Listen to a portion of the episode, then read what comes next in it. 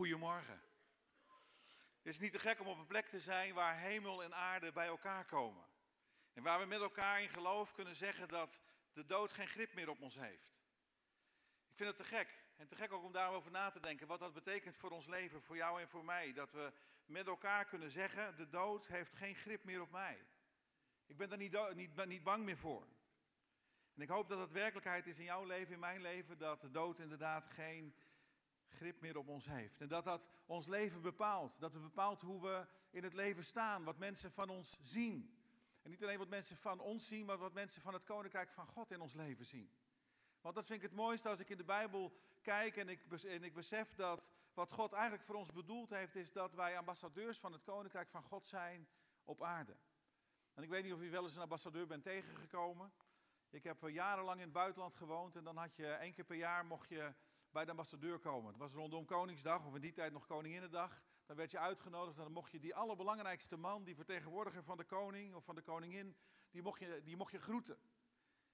En het voelde altijd als heel bijzonder als je bij die man mocht zijn. Het was net alsof je de koning zelf een hand mocht geven.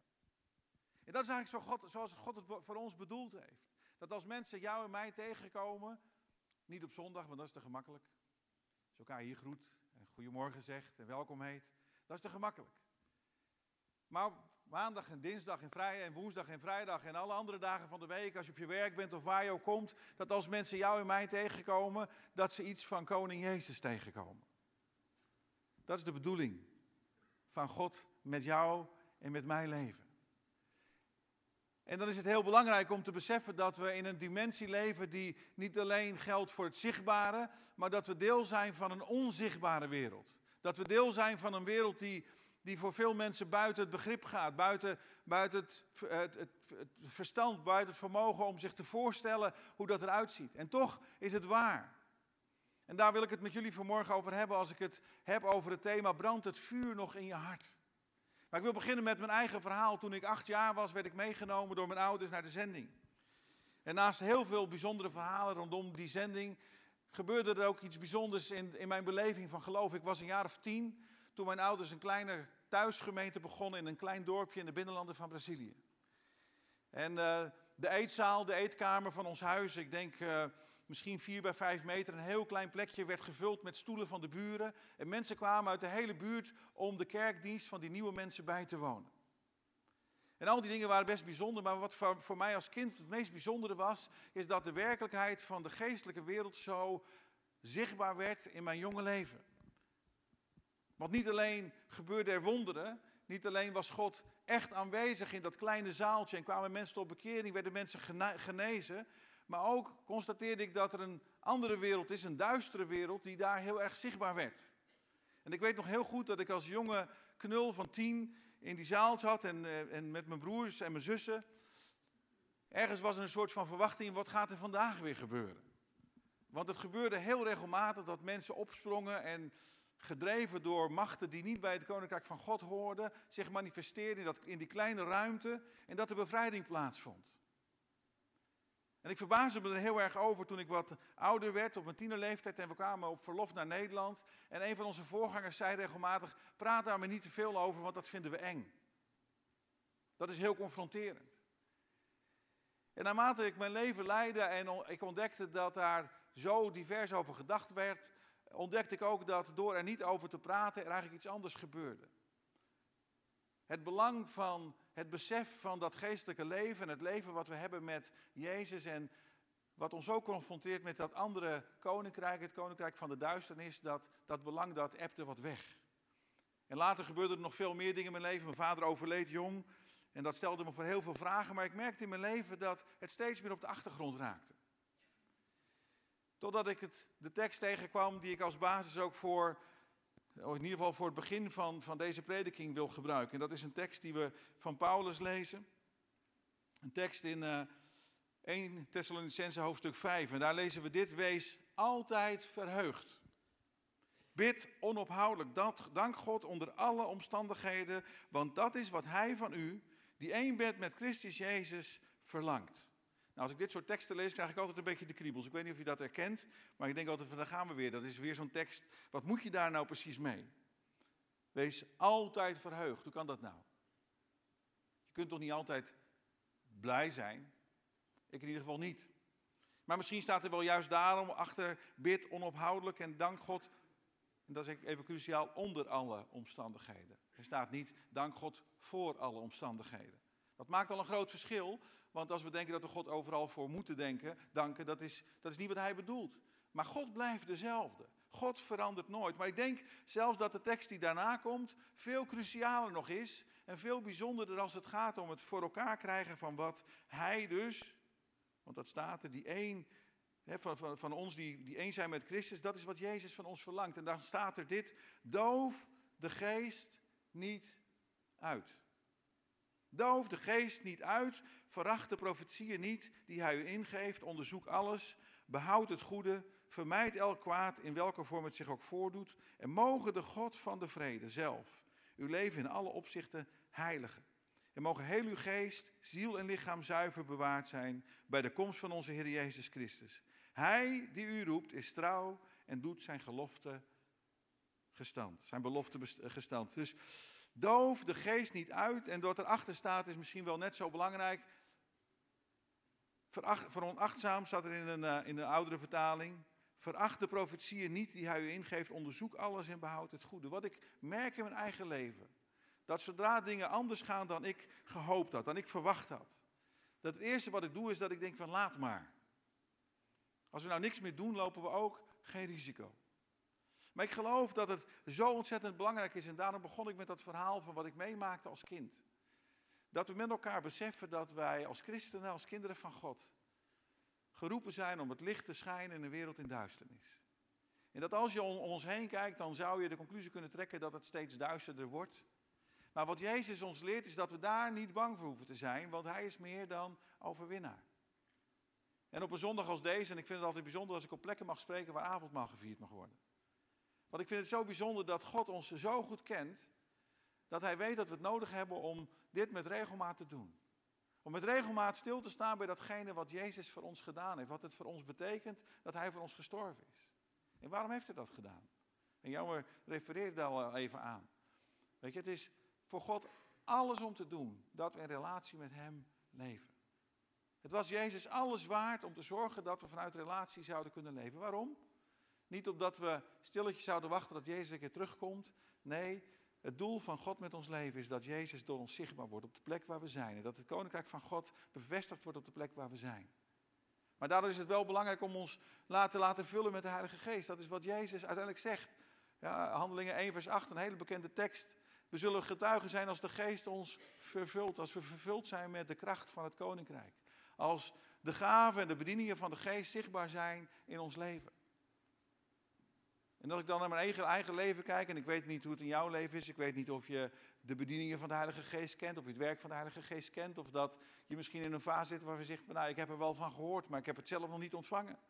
Het is prachtig als je het boek Handelingen doorloopt, dat je al die fases ziet in die nieuwe gemeente die daar ontstond door de kracht van de geest. Duizenden mensen kwamen tot bekering. Er gebeurde van alles, wonderen en tekenen, mensen werden bevrijd. Maar er gebeurde ook vervolging. En de tekst die we lazen in 1 Thessalonicense is een tekst die geschreven is door Paulus ongeveer 25 jaar later nadat de gemeente is ontstaan. En ik denk, wat kan er in 25 jaar toch een hoop gebeuren als die gemeente daar vol van de geest was, vol van de, van de werking van de geest. En nu moet Paulus zeggen, doof de geest niet uit. En dat is in een gemeente waar zo ontzettend veel gebeurde. Laat staan in jouw en mijn leven, waar het soms heel anders aan toe gaat dan in die eerste gemeente. Ik kan in ieder geval, ondanks al mijn zendingsverhalen, niet verhalen vertellen zoals die in de eerste gemeente plaatsvonden. En er zijn altijd genoeg redenen, er zijn altijd momenten in ons leven dat dat vuurtje dreigt te doven. En dat is waarom Paulus ons waarschuwt, waar Paulus ons aanspreekt vanmorgen, doof de geest niet uit. En is het een cruciale vraag voor ons, brandt het vuur nog in je hart? Want zonder dat vuur, zonder die Heilige Geest zijn we niet in staat om volledig te leven zoals God het bedoeld heeft. En als er worsteling in ons leven is om te leven zoals God het bedoeld heeft, als we met elkaar zeggen, ja maar ik zie het niet. Dan is er maar één stap die we kunnen zetten en dat is opnieuw op zoek gaan naar dat vuur van de geest in ons hart. En nogmaals, er zijn genoeg dingen die veroorzaken dat dat vuur dooft. En ik wil jullie vandaag meenemen in zo'n verhaal, in een van die oorzaken. Een prachtig verhaal wat we meestal lezen rondom, uh, rondom uh, Pasen. Ook omdat het plaatsvindt tussen Pasen en de uitstorting van de Heilige Geest. Maar ik wil met jullie een uitstapje maken en met een paar mensen meelopen die onderweg zijn. En het is goed om met elkaar te beseffen hoe dat onderweg is. Jezus was bij ze geweest, Jezus had met ze gesproken, Jezus had ze instructies gegeven. Jezus had gezegd, ik ga sterven, maar ik ga opstaan en dan ga ik naar de Vader. En als ik naar de Vader ga, Jezus verteld, dan zal ik jullie de Heilige Geest sturen. Jezus had alles verteld en ik weet niet hoe het voor jullie is, maar soms denk ik van wauw, je zou maar drie jaar lang met Jezus op mogen trekken. Dat lijkt me echt fantastisch. Om 24 uur per dag, iedere dag opnieuw met Jezus op te trekken. Om te zien hoe hij die dingen deed. Hoe hij met de Vader leefde. Hoe hij tijd nam om bij de Vader te zijn. Je zou erbij geweest zijn dat hij een paar broodjes en een paar visjes van een jongetje aannam. En maar bleef breken, maar bleef breken, maar bleef breken. Totdat al die mensen, 5000 mannen, kinderen en vrouwen niet meegeteld te eten kregen. Dat zou toch je geloof op een manier moeten voeden dat je nooit meer zou twijfelen. Althans, dat zo denk ik erover.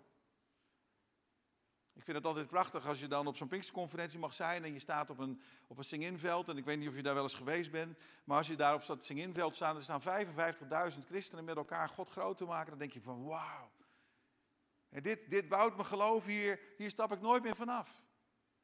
En toch lijkt ons leven heel vaak op het leven van die twee mensen die onderweg zijn in Lucas hoofdstuk 24.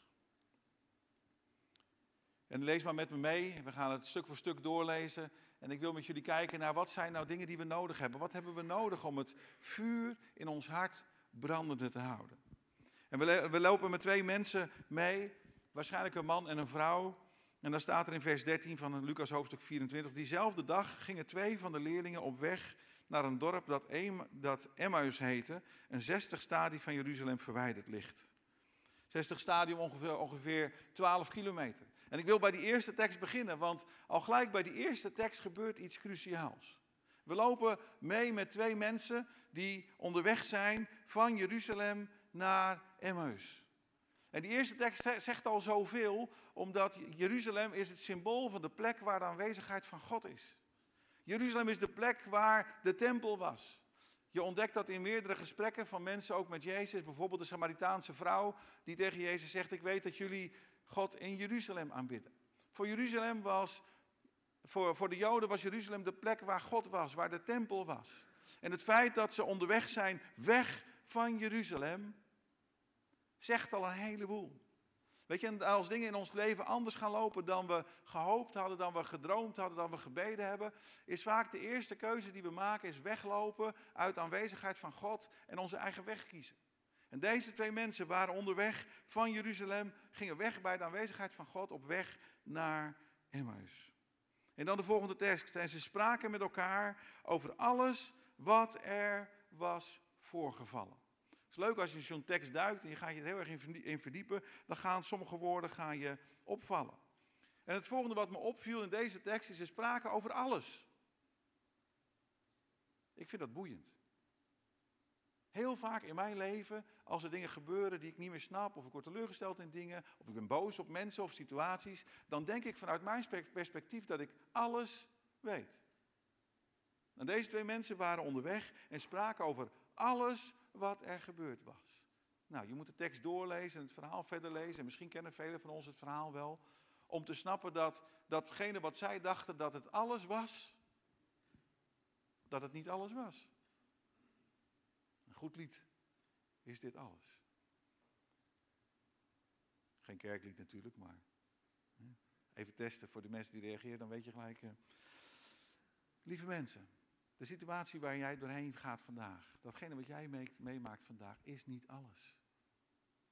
Als je denkt dat je, dat je zicht hebt op alles, dan is dat niet alles. God heeft een ander perspectief. En ik denk dat wij heel vaak het vuur in ons hart laten doven, omdat wij denken dat wij het hele perspectief hebben, dat we alles weten. Er is maar één die alles weet. Eén die alles ziet en overziet. En dat is God zelf. En als we daar niet op letten, dan zijn we geneigd om van Jeruzalem weg te lopen en onze eigen weg te gaan. En we gaan verder in het verhaal, vers 5. En terwijl ze zo met elkaar in gesprek waren, kwam Jezus zelf naar hen toe. En hij liep met hun mee. Maar hun blik werd vertroebeld, zodat ze hem niet herkenden. Terwijl ze weg waren, onderweg waren, weg van Jeruzalem, komt er iemand vanuit dezelfde richting, ook vanuit Jeruzalem, en begint met hen mee te lopen. En heel opvallend dat ze op dat moment niet zagen dat, dat het Jezus was. Daar zou je heel veel aan kunnen verbinden, dat we soms zo verdrietig zijn over situaties, dat we soms zo verbitterd zijn over situaties, dat we zelfs niet zien dat God erbij is. Maar het allermooiste in dit kleine stukje tekst vind ik dat ook al lopen we weg, ook al kiezen we door de pijn in ons leven, soms om weg te lopen bij Jezus, dat Jezus achter ons aankomt en met ons meeloopt. Is dat niet bijzonder? Dat Jezus hoe dan ook met ons meegaat. Ik vind dat wel bijzonder. Ik geniet heel erg van een heel oud lied van een, van een hele oude zanger. Hij is inmiddels ook al overleven, overleden. En in dat lied zingt hij op een gegeven moment dat hij beseft dat er momenten waren in zijn leven dat God genoeg reden had om weg te lopen. En dat het ongelooflijk veel genade van God gekozen, gekost heeft om, om toch bij hem te blijven.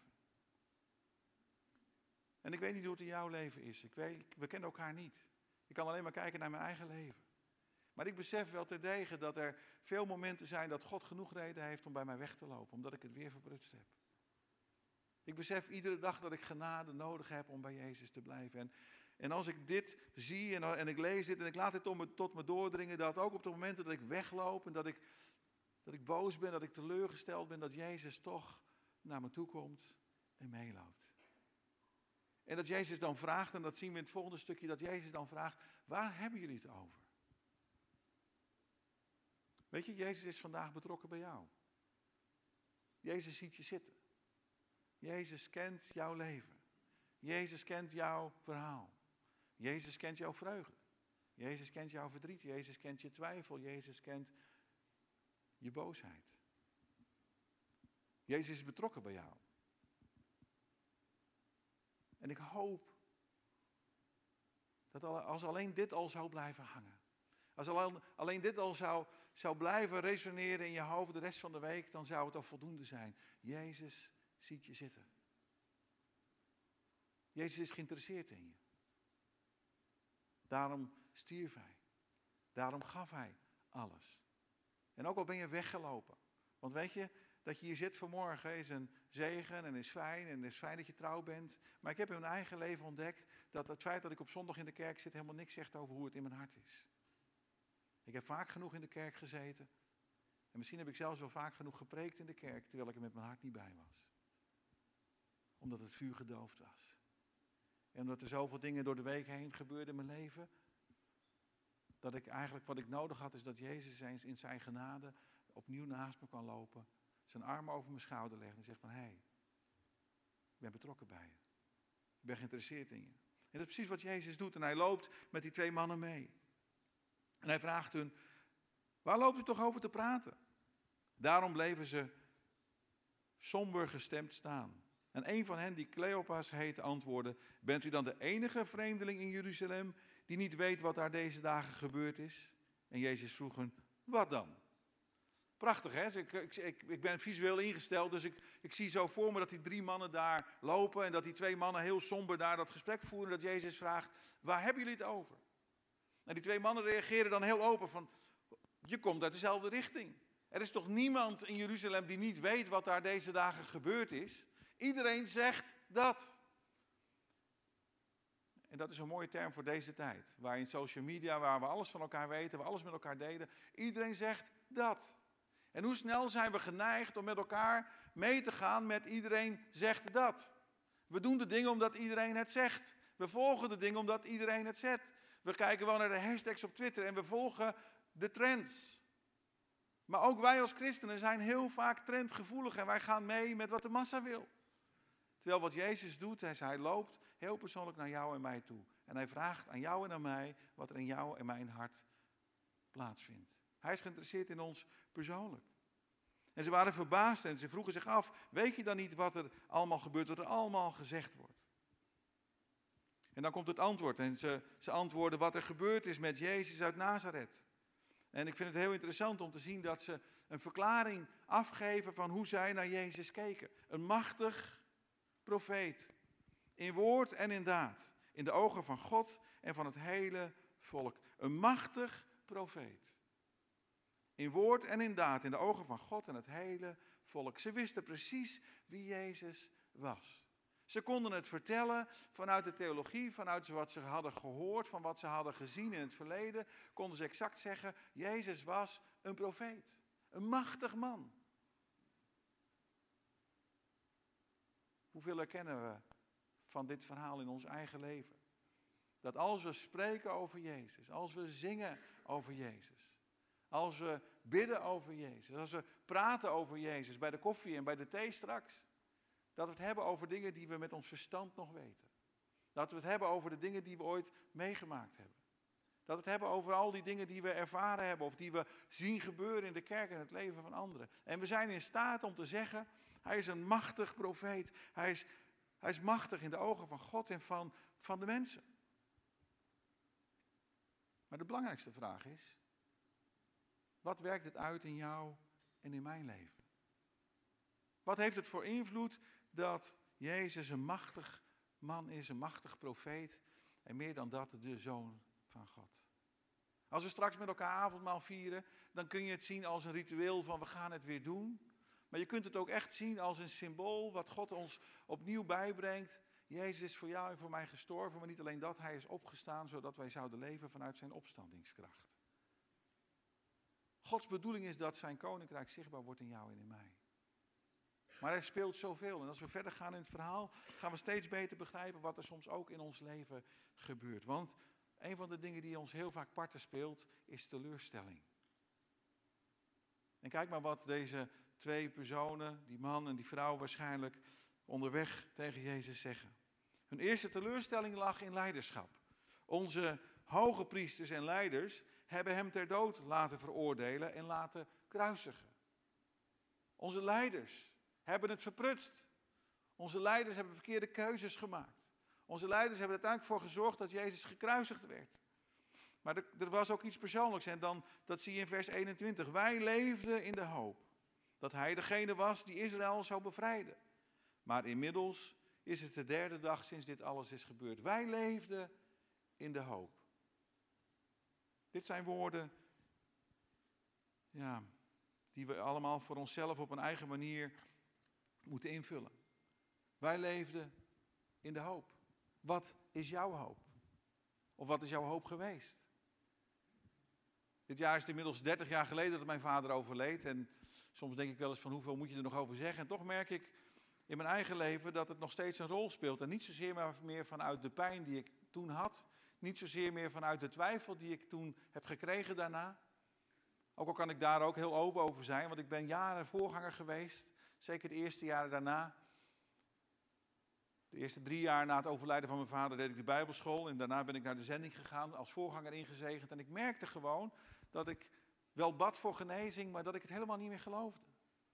En dat ik wel bad voor een werking van Gods geest en voor het zichtbaar worden van het koninkrijk, maar dat ik het in mijn hart niet geloofde. Want ik had geleefd in de hoop, en misschien zelfs in de zekerheid dat er genezing zou plaatsvinden die niet kwam.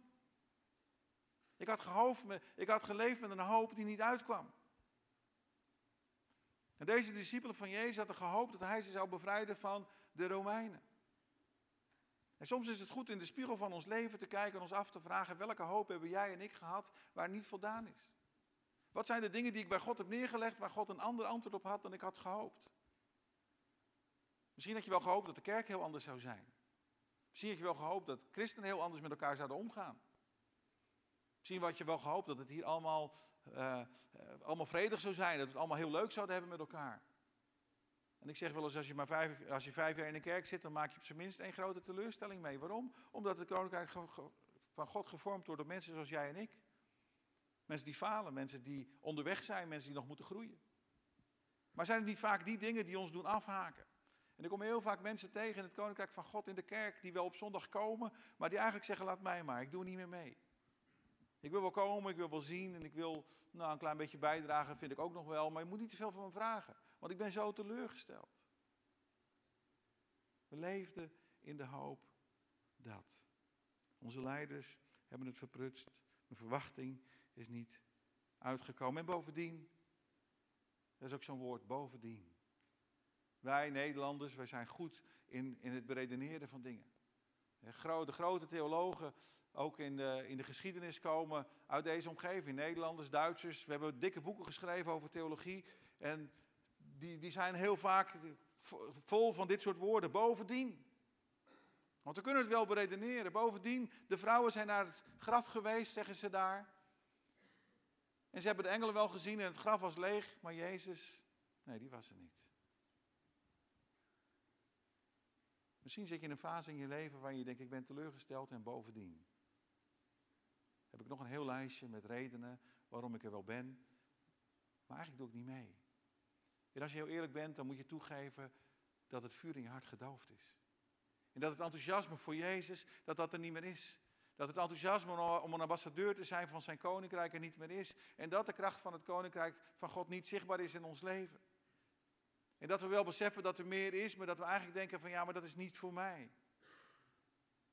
En vanmorgen zou ik je wakker willen schudden om, om duidelijk te maken dat het wel voor ons is, dat het wel voor jou en mij is. En dat God zijn koninkrijk wil openbaren door jou en mij, gebroken mensen. Mensen die gehoopt hadden dat, mensen die verwachtingen hadden die niet uitkwamen. Mensen die misschien teleurgesteld zijn en onderweg zijn vanuit Jeruzalem naar onze eigen plek.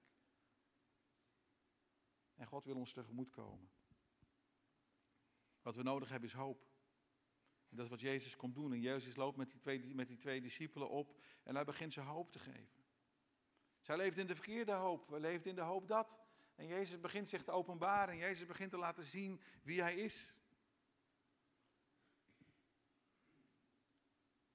Wat Jezus ons geeft is de hoop voor nu en voor de toekomst. Dat we gaan beseffen, zoals in Hebreeën hoofdstuk 6, vers 19 staat, dat er hoop is in datgene wat gaat komen. Onze hoop is niet beperkt tot ons leven hier en nu. En weet je, hoop is vruchtbaar. Hoop verandert de zaak, verandert, geeft kracht en perspectief. We hebben hoop nodig. Wat we ook nodig hebben is openbaring. Als je verder kijkt met Jezus en je loopt verder, dan zegt Jezus, had je dan zoveel, zo weinig verstand? Bent u zo traag van begrip dat u niets gelooft wat de profeten hebben gezegd? En dan begint de Bijbel aan ze te openbaren. We hebben openbaring nodig. Weet je, we leven in een tijd waarin heel veel kennis beschikbaar is. Misschien wel in de tijd waarin het meest kennis beschikbaar is dan ooit. Er is nooit zoveel kennis beschikbaar geweest. En tegelijkertijd is er nog nooit zoveel kennis geweest in het hart van christenen over het woord van God. En de Bijbel is niet veranderd. Als Joel zegt, mijn volk gaat ten onder door gebrek aan kennis, dan speelt dat een rol in ons leven. We hebben openbaring nodig. Maar niet alleen vanuit het woord, we hebben openbaring nodig vanuit de geest. 1 Korinthe hoofdstuk 2, vers 4 zegt Paulus, ik ben gekomen om te spreken vanuit kracht, met wonderen en tekenen. En niet vanuit redenatie, niet vanuit wijsheid of overtuigingskracht. We hebben hoop nodig. We hebben openbaring nodig. Maar we hebben ook relatie nodig. En wat Jezus deed, wat we straks gaan vieren met elkaar, is de deur weer openzetten. Toen hij stierf, toen scheurde het voorhangsel. En eigenlijk was het duidelijk dat de uitnodiging van God voor ons vanmorgen is dat we opnieuw binnengaan. Dat we gaan leven vanuit een echte relatie. Weet je, en als wij leven vanuit relatie, dan gaat de wereld om ons heen ook veranderen. Die Samaritaanse vrouw, toen ze Jezus ontmoette bij de put en Jezus haar niet veroordeelde, maar wel de diepgang inging, wel de dingen aansprak in haar leven die niet goed waren, zij kwam tot de conclusie, hij is echt de Messias. En zij loopt terug naar haar dorp en de mensen in het dorp die haar eerst verstoten had, daarom was ze alleen onderweg naar de put. Die zien iets veranderd in haar. En die vragen, die vragen aan die vrouw, wat is er met jou? En zij vertelt dan dat ze Messias heeft ontmoet. Dat hij haar leven heeft veranderd. En die mensen gaan mee met haar naar Jezus. En uiteindelijk nodigen ze Jezus uit om te blijven. En hij blijft nog twee dagen. En in Johannes 4, aan het eind van het hoofdstuk, dan lees je dit. Wij kennen hem nu niet meer van wat jij hebt verteld, maar we hebben hem zelf ontmoet. Wat Jezus ons aanbiedt vanmorgen, is dat je hem niet meer kent van horen zeggen. Dat je Jezus niet meer kent vanaf, het, vanaf de preekstoel van de zondagochtend. Maar dat je persoonlijke relatie met Jezus gaat krijgen. En vanuit die persoonlijke relatie, dan wil de Heilige Geest komen en jouw, jouw leven vervullen. Want zodra, en zo mooi om dat op een zondag te doen waar je avondmaal vieren, zodra Jezus het brood breekt, als hij binnen is gekomen bij die mensen, dan herkennen ze hem als de Messias. Dan herkennen ze hem als Jezus. En dan komt die zin die aanleiding is voor het thema van, die, van deze preek, als zij zeggen, brandde ons hart niet. Brandde ons hart niet toen hij onderweg met ons sprak. Brandde ons hart niet toen hij onderweg met ons sprak. En ze, ontdek, ze ontdekten opnieuw het vuur in hun hart. En het gevolg was dat ze, hoewel het laat was, hoewel ze al veel gelopen hadden, dat ze de keuze maakten om terug te gaan naar Jeruzalem. En ze lopen en ze rennen terug naar Jeruzalem om te vertellen aan de discipelen wat er gebeurd is, de ontmoeting die ze gehad hebben. En uiteindelijk is die plek waar Jezus tegen ze zegt aan het eind van, van dit hoofdstuk, je moet het thuis maar eens doorlezen, Lucas hoofdstuk 24. Blijf in Jeruzalem. Totdat. Blijf in Jeruzalem totdat de geest gaat komen. Blijf in Jeruzalem totdat de uitstorting van de Heilige Geest plaatsvindt. Ik ben blij dat ik in 2019 mag, mag leven. Want ik hoef niet meer naar Jeruzalem om de geest te ontvangen. Dat is één. En ik hoef ook niet te blijven in Jeruzalem totdat het gebeurt, want het is al gebeurd. We leven in een tijd waarin de uitstorting van de geest een werkelijkheid is. Maar soms is het tijd om terug te lopen naar Jeruzalem. De keuze te maken om terug te gaan naar God zelf. En misschien is vanmorgen die tijd. Misschien is vanmorgen die dag om door je teleurstellingen heen. Om terug te gaan naar de aanwezigheid van God die hier is. Die bij ons wil zijn. En niet weg te gaan tenzij. Misschien tegen God te zeggen, Heer, ik laat u niet los tenzij u mij de Heilige Geest geeft vanmorgen. Want we hebben de Heilige Geest nodig in ons hart. We hebben het nodig dat het vuur brandt in ons hart, zodat het koninkrijk zichtbaar wordt. En ik wil je vanmorgen uitnodigen om terug te keren naar Jeruzalem.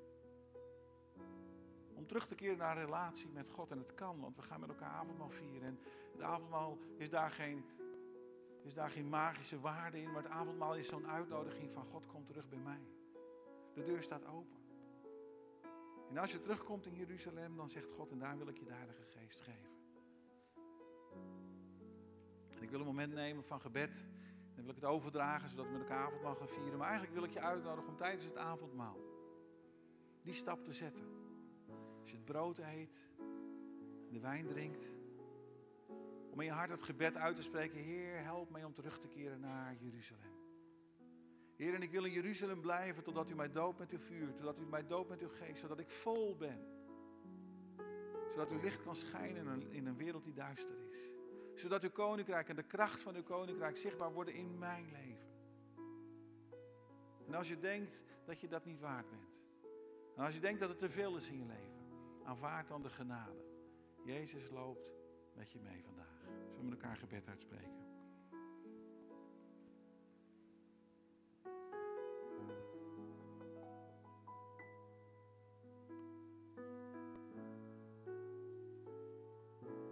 Heer, u kent ons. U kent in ieder van ons zoals we hier vanmorgen zitten. Heer, u weet of wij in Jeruzalem zijn in uw aanwezigheid, maar u weet ook als we weggelopen zijn. Heer, er zijn zoveel momenten. Er zijn zoveel redenen, Heer, waarom we weglopen uit Jeruzalem. Vaak is het teleurstelling, maar soms ook zonde. Dingen die ons afleiden van u, die ons wegbrengen bij u vandaan. Heer, dank u wel voor uw genade. Heer, dat u achter ons aanloopt en dat u, dat u naast ons komt lopen. Ook vanmorgen, dat u als het ware naast ons zit. En dat u tegen ieder van ons zegt, je bent belangrijk. Ik wil weten wat je bezighoudt. Ik wil weten wat er in je hart is. Heer, als we vanmorgen ons hart uitstorten en tegen u zeggen wat er, wat er, wat er is en hoe het, hoe het is met het vuur in ons hart. Heer, dan wilt u bij ons binnenkomen en zoals u dat bij de Emmersgangers deed, aan tafel zitten. En als we aan uw tafel gaan, Heer, dan wilt u zichzelf openbaren aan ons. Heer, en vanmorgen willen we in ons hart die keuze maken om terug te gaan naar Jeruzalem. Terug naar uw aanwezigheid. Heer, terug naar die plek waar u ons doodt met vuur. Waar u ons doodt met de Heilige Geest. Heer, waar we opnieuw één kunnen zijn met u en vol van uw vuur de wereld in mogen trekken. Heer, als het, hart in ons hart, in het, als het vuur in ons hart gedoofd is, dat het vanmorgen opnieuw aansteken.